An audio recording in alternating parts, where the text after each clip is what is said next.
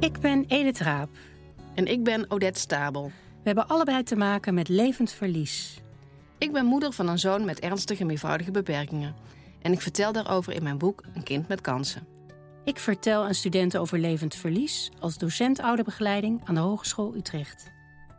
Levend verlies. Steeds terugkerende gevoelens van verlies, verdriet en rouw van ouders met een kind met een beperking of chronische aandoening.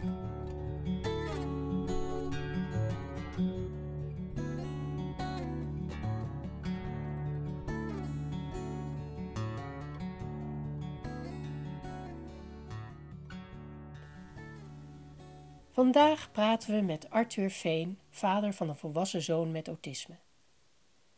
We treffen Arthur in zijn huis in de binnenstad van Amsterdam. Op de tafel ligt een boek met foto's van de fietstocht naar Rome, waar hij net van is teruggekeerd. We vragen of het een zware tocht was. Dat dacht ik dat dat het misschien wel zou zijn, maar dat bleek helemaal niet het geval. Ik had het gewoon heel goed met mezelf en uh, was heel erg blij met mijn leven en met uh, dat lijf dat dat allemaal kon. Ik vond het een hele uitdaging of ik nou wel die Alpen over zou kunnen, maar dat bleek allemaal uh, te doen. Dus dat maakte me wel heel vrolijk.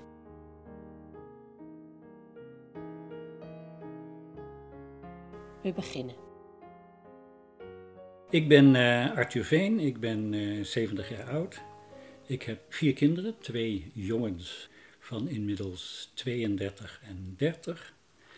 En twee meisjes van 23 en 19. En mijn oudste zoon heeft een aandoening in het autisme spectrum. Kun je nog iets over je achtergrond vertellen? Ja, ik was vroeger, tot mijn vijftigste, was ik een computerwetenschapper. En op mijn vijftigste heb ik een hele switch gemaakt en sindsdien ben ik uh, acteur. Voornamelijk trainingsacteren. En dat doe ik uh, nu nog steeds.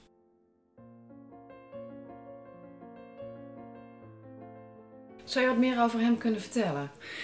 Hij, uh, ja, hij is gediagnosticeerd met Asperger. Hij is heel, heel slim. Heeft een heel fijnzinnig gevoel voor humor. Houdt van taal, grappen. Hij uh, heeft geen vrienden, wil hij ook niet. Ja. Ja. Hoe ontdekten jullie dat er iets aan de hand was met hem? Toen was hij 20 minuten oud, uh, denk ik. Dus ja, het was ons, ons eerste kind. Het was een ja, prachtige ervaring. Dus, en in die euforie, toen hij net een kwartier of 20 minuten oud was, had ik hem op schoot. En toen zei zijn moeder, zei, hey, wat is er met dat voetje? En toen zei de vroedvrouw, uh, dat is niet goed, die heeft uh, een klompvoet. Dus uh, ja, had aan, aan één voet een klompvoet en de andere voet was ook niet goed. Dus ik had hem op mijn schoot en in, ja, al, alle poriën van de ervaring staan open natuurlijk. En ik had een neiging, oh, dit, dit, deze vogel is niet goed, deze duw ik uit het nest. Zo'n zo'n gevoel had ik. Alsof die mislukt was. En ik denk dat duurde een paar seconden tot ik op een gegeven moment realiseerde: nee, maar jij bent, hier ben jij helemaal goed. Dus dat was een enorme, ging zo snel in van: oh, ik moet dit niet, tot dat ik het helemaal accepteerde: oh, ik zal zorgen dat jij een prachtig leven hebt. Zoiets. En dat was, eh, nou, alles is aangrijpend natuurlijk op zo'n moment, maar dat was voor mij ook heel aangrijpend, die ervaring. van. Uh, uh, de afstand voelen tot die handicap en het accepteren en omarmen. En dat dat allemaal zo snel gebeurde.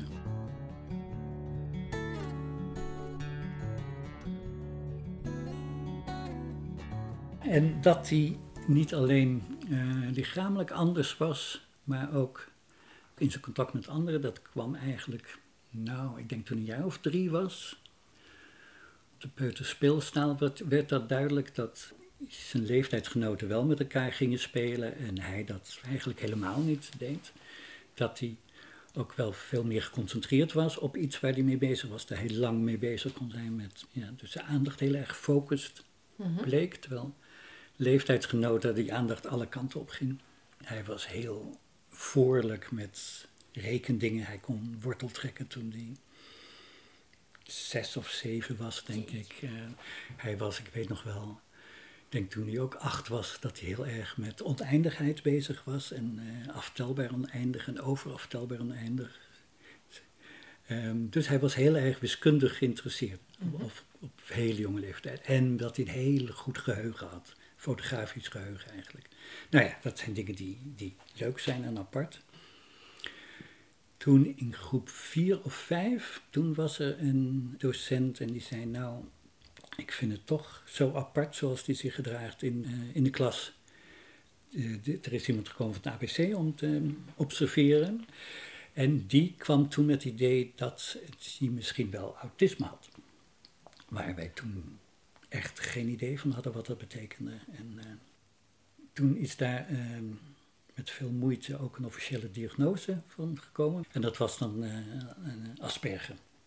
Wat het ingewikkeld maakte was toen hij helemaal in groep 8 was en toen moesten besluiten van waar, wat voor een, uh, middelbare school gaat hij nou. Ja, het was duidelijk, hij is, hij is heel intelligent. Moet je nou naar speciaal onderwijs, het enige speciaal onderwijs wat hier in Amsterdam was, was het hoogste niveau was VMBO. We dachten, ja, dan gaat hij zich zo vervelen. Dat, uh, we hebben er veel moeite gedaan om een school te vinden, middelbare school te vinden waar hij uh, terecht kon. En we zijn uiteindelijk bij de vrije school terechtgekomen. En daar was hij, op een bepaalde manier was hij wel, wel op zijn plaats, omdat er wel, er is veel ruimte voor ehm, kinderen die apart zijn. Aan de andere kant is het ook wel een school die heel erg op samen is gericht en op één groep vormen. En hij is niet van groepen. Dus daar was, ik denk de eerste twee, drie jaar dat hij daar op die school was, ehm, was daar ook veel conflict met andere kinderen die hem niet accepteerden en die gewoon niet begrepen. Hij, hij deed ingewikkelde spelletjes op het schoolplein in, met stokken waar hij grote gebaren maakte, eh, waar die andere kinderen vroegen dan wel eens, wat ben je aan het doen? Mag ik meedoen? Maar dan reageerde hij niet en hij was helemaal verloren in zijn eigen spel.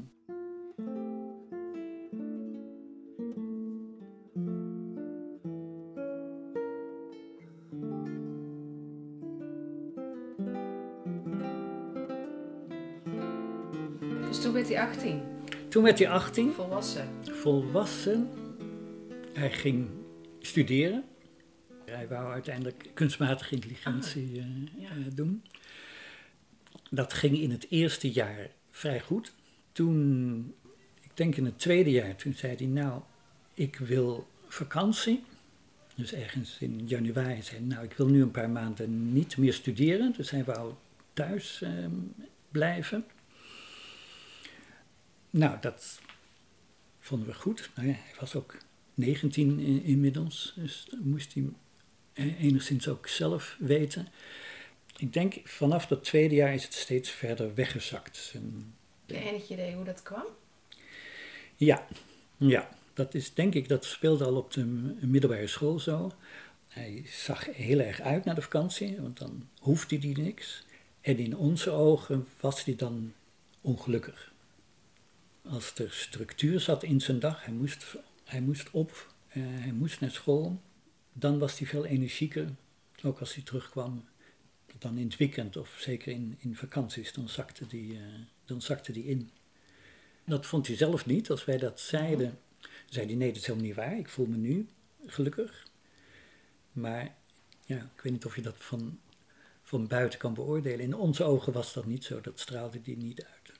Ja dat is altijd wel een probleem geweest met hoe die zelf zichzelf ervaarde, zijn geluk en wat wij van de buitenkant zagen.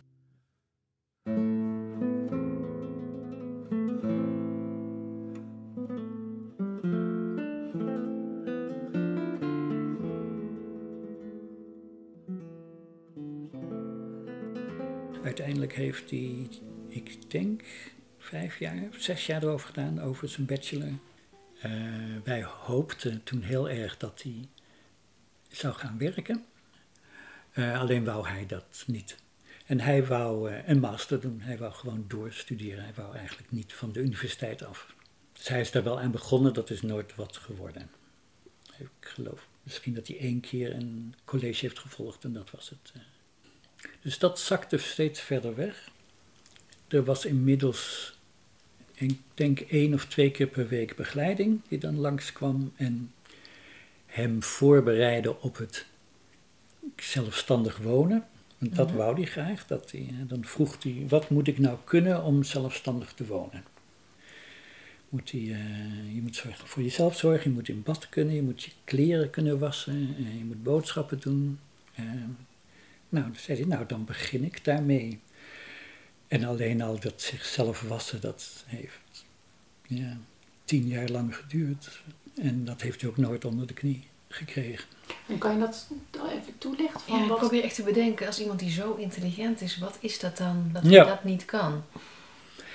Wat ik nu achteraf, zie, dat zijn allemaal dwang, eh, dwanghandelingen. Ja. Hij ging dan wel in bad. Dat kon hij alleen maar s'nachts als iedereen sliep. Alles moest donker zijn en hij plakte de deur helemaal af, zodat er ook geen kieren licht van binnen zou komen. Hij demonteerde van alles in de badkamer.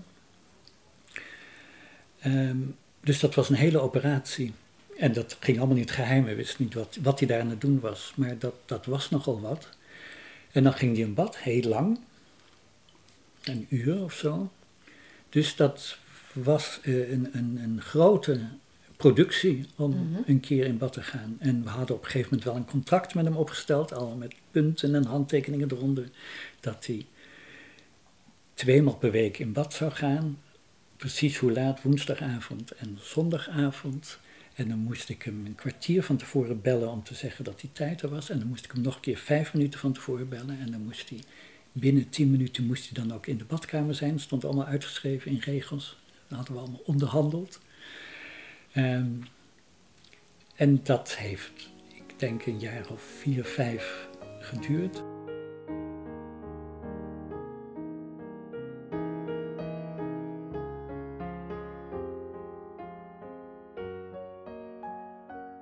Hij woont eh, op het moment in een eh, woongroep van zeven andere au- autisten wonen. Dat is eh, een ouder-initiatief.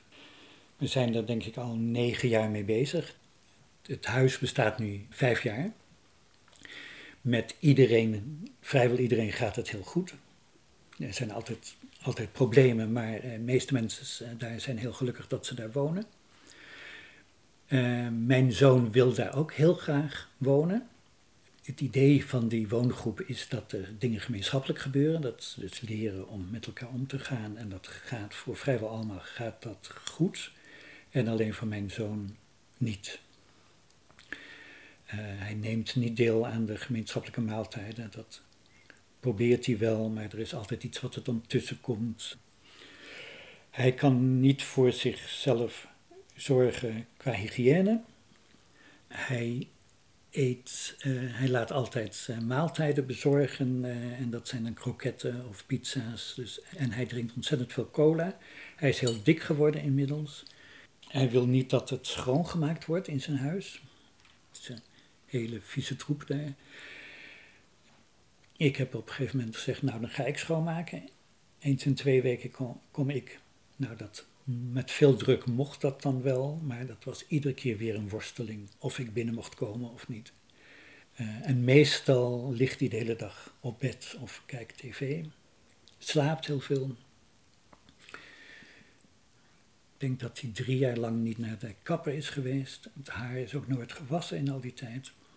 Hij, is, eh, hij ziet er gewoon niet fris uit en ruikt niet fris. En dat eh, is voor anderen in de woongroep ook een probleem. Dus de anderen in de woongroep komen op het punt dat ze dat zeggen, nou er moet iets gebeuren. Of als er niet iets gebeurt, hij verandert niet, dan moet hij hier weg.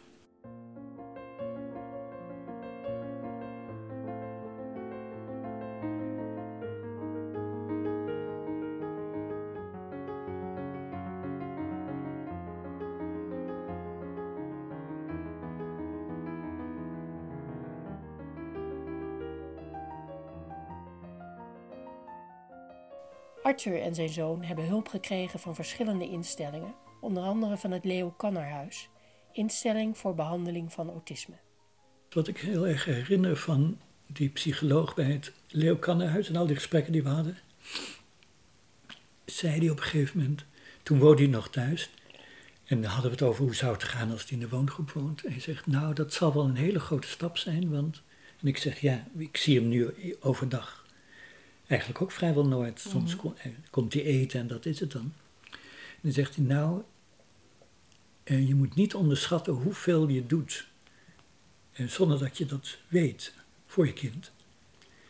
En dat zag ik inderdaad toen niet. En als ik terugkijk, denk ik, ja, het is zo'n grote stap geweest. En er is iets weggevallen waarvan ik dus nu ook niet goed kan aanwijzen wat dat was. Maar die veiligheid die hij had, omdat hij nog thuis woonde en toch een toezicht of toch een structuur die hij had, hoe weinig het ook was, eh, eh, betekende toch heel veel. Wat ik altijd een worsteling vond, is waar kan je hem nou verantwoordelijk voor houden? En ik ben nu wel helemaal opgeschoven in, naar het punt van hij kan het gewoon niet. Hij kan echt. Het is net als een, een kind met anorexia dat wel weet, als ik dit niet eet, dan ga ik dood en ik wil niet dood, maar ik kan dit niet in mijn mond stoppen. En, en zo is het met hem ook. Er zijn ehm, acht kiezen bij hem getrokken omdat hij standen niet, eh, niet poetst. Dus hij, ehm, eh, en, hij doet dat nog steeds niet. En over een, over een jaar zal een groot deel van de rest van zijn tanden er ook uit moeten. Dat vindt hij wel erg, maar hij kan het niet voor elkaar krijgen om die tandenborstel op te pakken en, en te poetsen. En heb je enig idee welke hulp hij misschien had kunnen hebben waardoor dat wel zou kunnen? Of zeg je van het is gewoon niet mogelijk? Ja, dat is wel waar mijn ja, schuldgevoel of gevoel van tekortkomen zich op concentreert. Dat je altijd terugkijkt, hadden wij het niet toen zo kunnen doen? Hadden we het niet toen zo kunnen doen? Ik denk nu, als we meer structuur hadden blijven bieden en hem gezegd, nee, je moet om negen uur uit je bed komen. Of zorg dat er iemand was die hem om negen uur uit zijn bed haalde dat we daar echt op, dwingend op uh, hadden gezeten. Dat, dat had voorkomen dat hij zover zou afglijden. Het lijkt me heel naar om te denken van je, je moet heel veel tijd steken in zo'n ouderinitiatief. En uiteindelijk is degene die er niet van profiteert, is je zoon. Ja. Hè? Ja, ja, dat is zuur. Ja. Dat is zuur. Dat neemt niet weg dat ik nog steeds heel fijn vind dat we het gedaan hebben en trots op ben voor wat het is. En dat het voor zeker zes van de acht een heel goede plek is. En ik ben er ook wel. Ouderinitiatieven is niet makkelijk, want het zijn allemaal ouders met hele andere karakters natuurlijk. Dat we dat nog steeds goed hebben weten te houden, dat vind ik wel. Uh... Want wat is daarvoor nodig om dat goed te houden? Ja, daar heb ik veel over nagedacht. Ik denk heel veel acceptatie van elkaar over dat er verschillen zijn, dat je er anders in staat, dat je een goede balans weet te vinden tussen het belang van je eigen kind en het belang van de hele groep. En dat komt soms in conflict met elkaar en dat je daar geduld mee hebt en heel goed mee omgaat, dat je heel goed luistert. Onze bestuursvergadering waar de ouders dan bij elkaar zitten, beginnen we ook altijd met een rondje van hoe gaat het met, uh, met je kind dus emotioneel gezien uh, mm-hmm. en, met, en met jou. Uh, dat vind ik zelf altijd heel belangrijk. En, ja, en heel veel hoef je niet meer uit te leggen, omdat je hebt allemaal een autistisch kind, dus heel veel herken je en dat is wel heel, uh, heel fijn.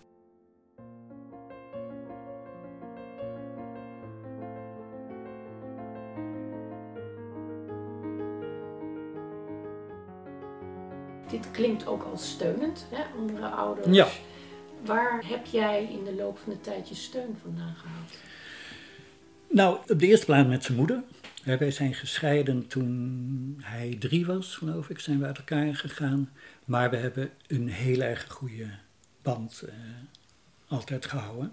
Zorgde altijd ook 50-50 voor de kinderen en dat is daarna ook zo gebleven. We zijn nogal wel verschillend, maar we zaten op, op één lijn als we het over de kinderen hadden. En we kunnen heel goed overleggen en hebben heel veel respect voor elkaar als, als, als ouders. En dat is wel heel bijzonder en daar ben ik ook wel heel uh, dankbaar voor.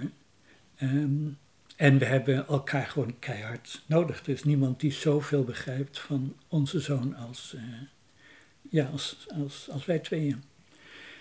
Dan heb ik mijn uh, partner, die er dan wat losser van staat. Maar ja, we zijn ook al um, 26 jaar samen. Die dus heel veel heeft meegemaakt. En dan kan ik heel veel mijn ei kwijt wat dat betreft.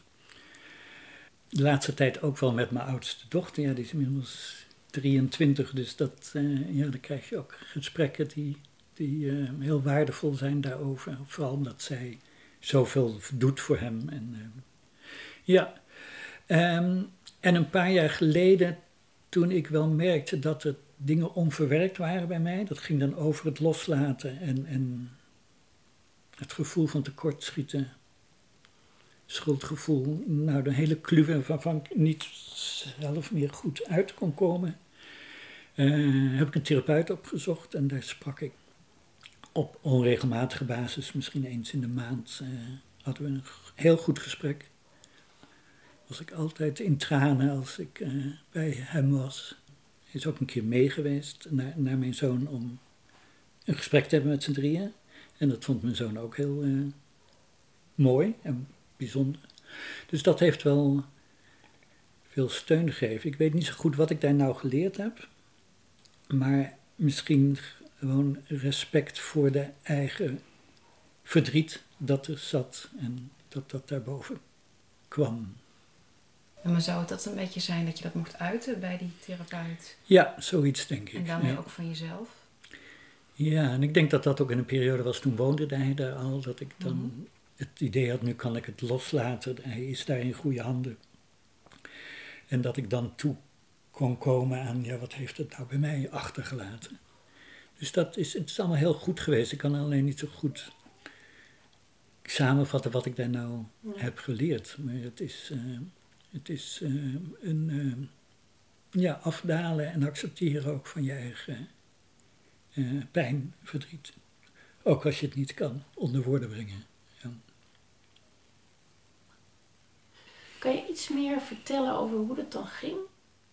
Ja, het was een therapeut die heel erg goed luisterde, die heel precies formuleerde en die heel goed kon teruggeven wat ik zei. En als ik dan mijn eigen uitspraken in zijn woorden weer terug hoorde, dat maakte veel los. Ehm, en daar was, ja, daar was heel veel veiligheid eh, voor. En het idee dat hij dat begreep. Plus dat hij heel erudiet en heel intelligent daarmee om kon gaan. En dat is met vrienden, heb ik het er natuurlijk ook over. En dat maakt ook heel veel uit hoe er gereageerd wordt. Ja, wat is fijn, een reactie? Fijn is luisteren, heel geduldig luisteren. Wat niet fijn is, is adviezen geven. Ik weet, dat heb ik zelf ook wel de neiging om iemand een advies te geven. Ik wil iemand helpen. Maar ik merk zelf, je bent al zoveel bezig. Je hebt er zoveel over nagedacht. Alles heb je eigenlijk al. Kijk, het enige wat je wil is je, je gedachten die je erover hebt uiten. En dat de ander zegt ja, ja. Dan hoeft het zich ook niet voor te stellen. Het hoeft ook niet. Kan ook vaak niet. Maar gewoon geduld en altijd. En het is ook altijd wel fijn als iemand naar hem vraagt. En dan heb zeg ik soms, en dan zegt ook iemand die het heel goed doet, zegt, of wil je dat moment niet over praten? En dan zeg ik, nou, soms wil ik er wel over praten, soms wil ik het niet. En dan zeg ik, nou ja, dit, dit is het zoals het moment, zo, zoals het is.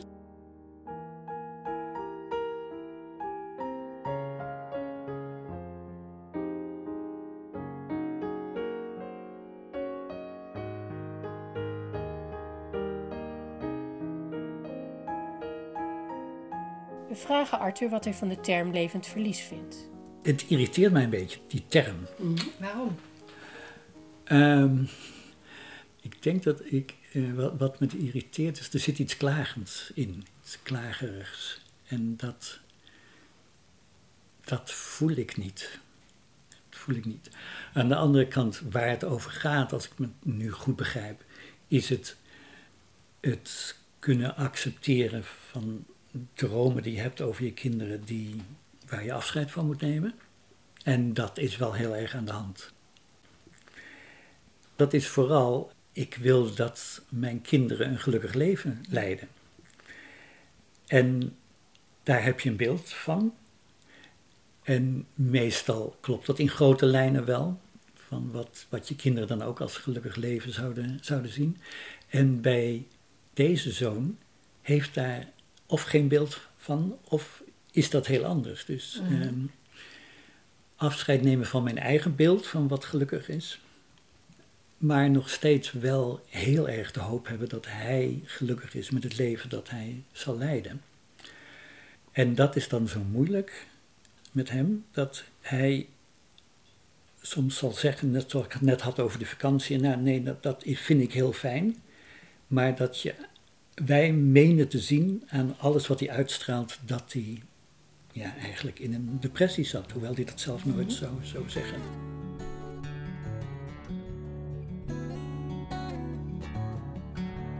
Terug naar levend verlies. eh, die Ja, er dan heel veel je? aspecten aan. Het is, ehm, zeker sinds hij in de woongroep woont, gaat het voor mij heel erg over loslaten. Het la- maar laten gebeuren en overlaten aan de begeleiding, de professionele begeleiding die er is.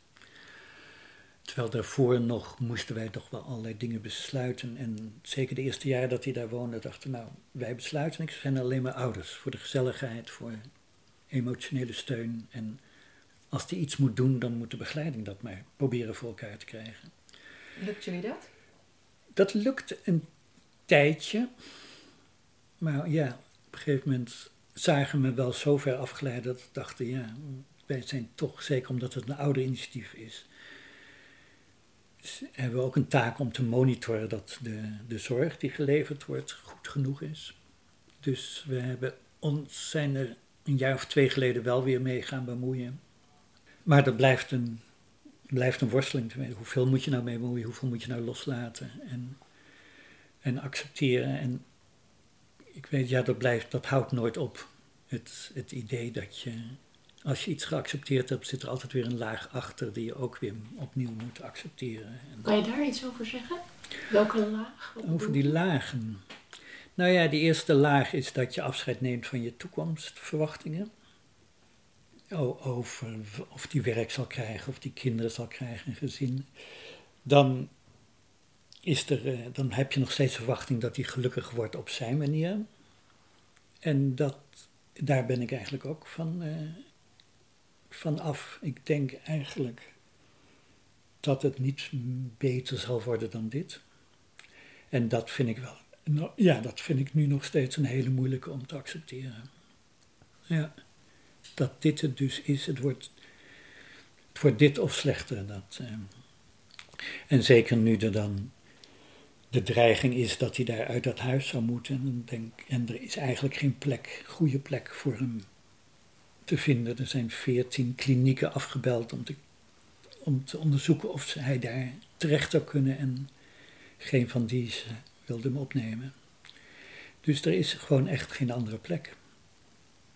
Er zit ook die, het accepteren van je eigen machteloosheid bij. Dus je voelt je machteloos, dat, dat, is, dat is al één stap en dat toegeven. En dan ook accepteren dat er aan die machteloosheid echt helemaal niks te doen is. Dat dat altijd zo zal blijven. Dat je daar zelf niks aan kan doen. Dat vind ik, ja, dat vind ik nog steeds heel moeilijk. Ja. Ik vind het moeilijk te realiseren dat, ik dan op het moment ook heb dat ik, dat ik dingen nodig heb. Dat zie ik niet zo snel bij mezelf. Ik, ik kachel wel door en ik heb ook een heel rijk leven en eh, geniet daar ook heel erg van. Maar dit blijft toch een deel van je dat, dat er altijd is. En pijn doet ook. Ja.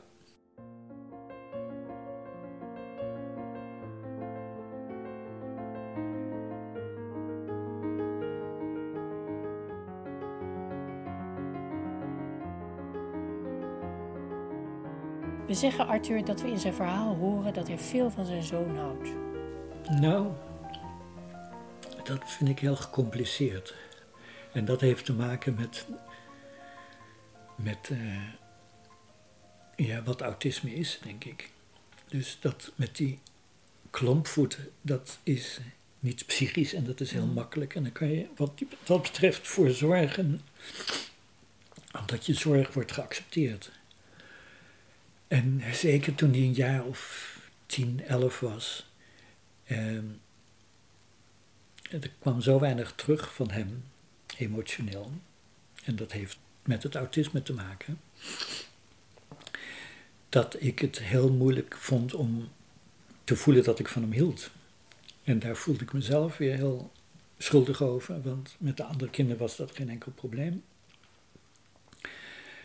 Um, en hij voelde dat ook, en we hebben het er ook wel over gehad, um, dat hij dat ook voelde. Dus dat is altijd iets gecompliceerds geweest.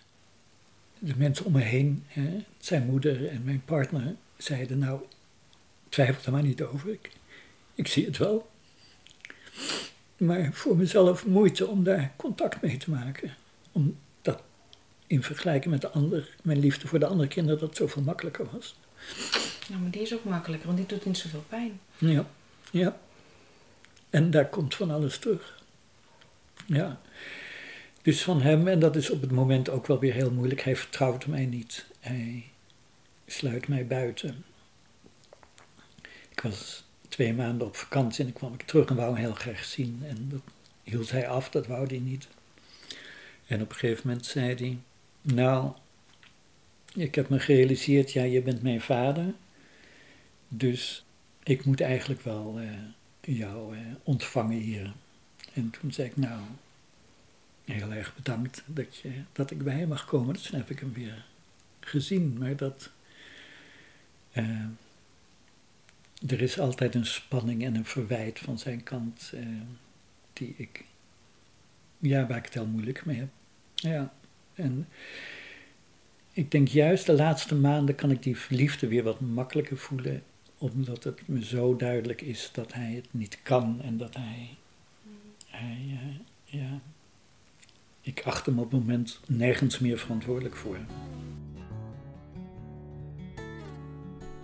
Ik weet niet of ik daar ooit kom dat ik accepteer, helemaal accepteer wie hij is, wat hij wel heel graag wil. Hij ziet zichzelf ook niet als. Hij ziet autisme niet als een beperking. dus dat is altijd wel een strijdpunt, verschilpunt tussen ons geweest. Hij wil dat absoluut niet als een, als een beperking zien. En ik zie zo dat hij zo in zijn functioneren is beperkt en in zijn levensgeluk is beperkt door, door uh, zijn aandoening. Ik mag het ook geen aandoening noemen van hem. Eh.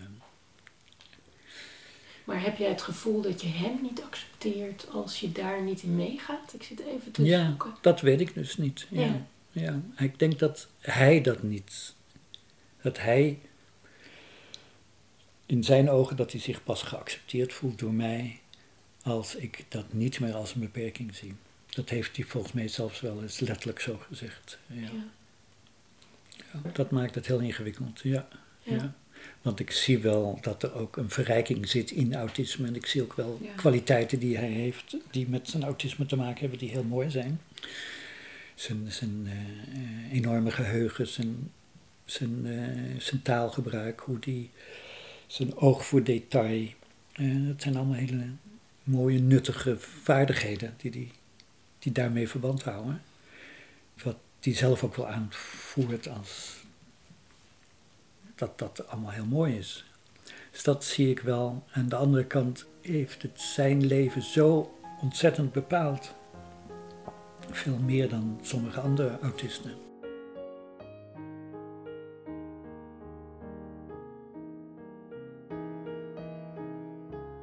Wat ik voor me zie zien is dat hij mij weer helemaal vertrouwt. En hij kan zien hoezeer ik geniet van de dingen die hij heeft, die, waar je echt van kan genieten. Die net Die zijn er, ja. Ja. Dat is toch nog mooie hoop, mooie droom. Ja. Ja. Sinterklaas is heel belangrijk voor hem. Dan maakt hij een gedicht. De laatste keer maakte hij een heel prachtig gedicht over hem en mij. Over, over zijn autisme en hoe hij mij soms teleurstelt. En nou, een heel reflectief en lief gedicht van twee pagina's. Helemaal op. Um, en dat is dan weer zo'n juweeltje.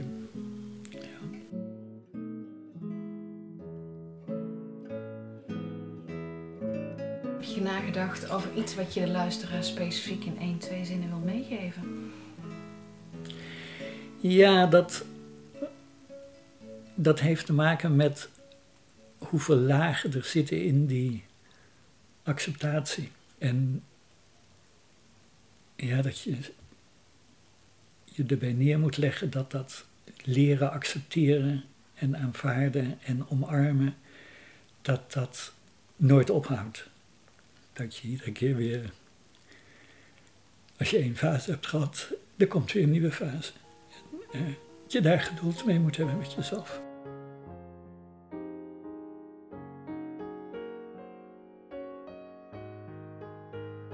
Arthur benadrukt dat hij ondanks alles een gelukkig leven heeft. Ik heb heel veel om dankbaar voor te zijn.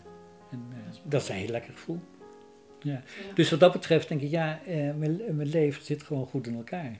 Ja, ik heb niet klaar, laat ik het zo zeggen. En dan toch, als er zo'n zo opmerking komt van wat heb je dan nodig, dan komt er iets van uh, dat ik daar dus nog ergens iets nodig heb. Ja.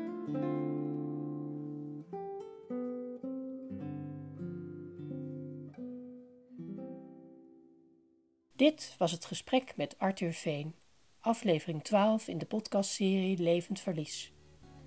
Volgende maand spreken we met Wim van Lent, mannencoach. Tot dan. Elke laatste zondag van de maand een gesprek over levend verlies. Ik ben Odette. Ik ben Edith. Abonneer je op onze podcast levend-verlies.nl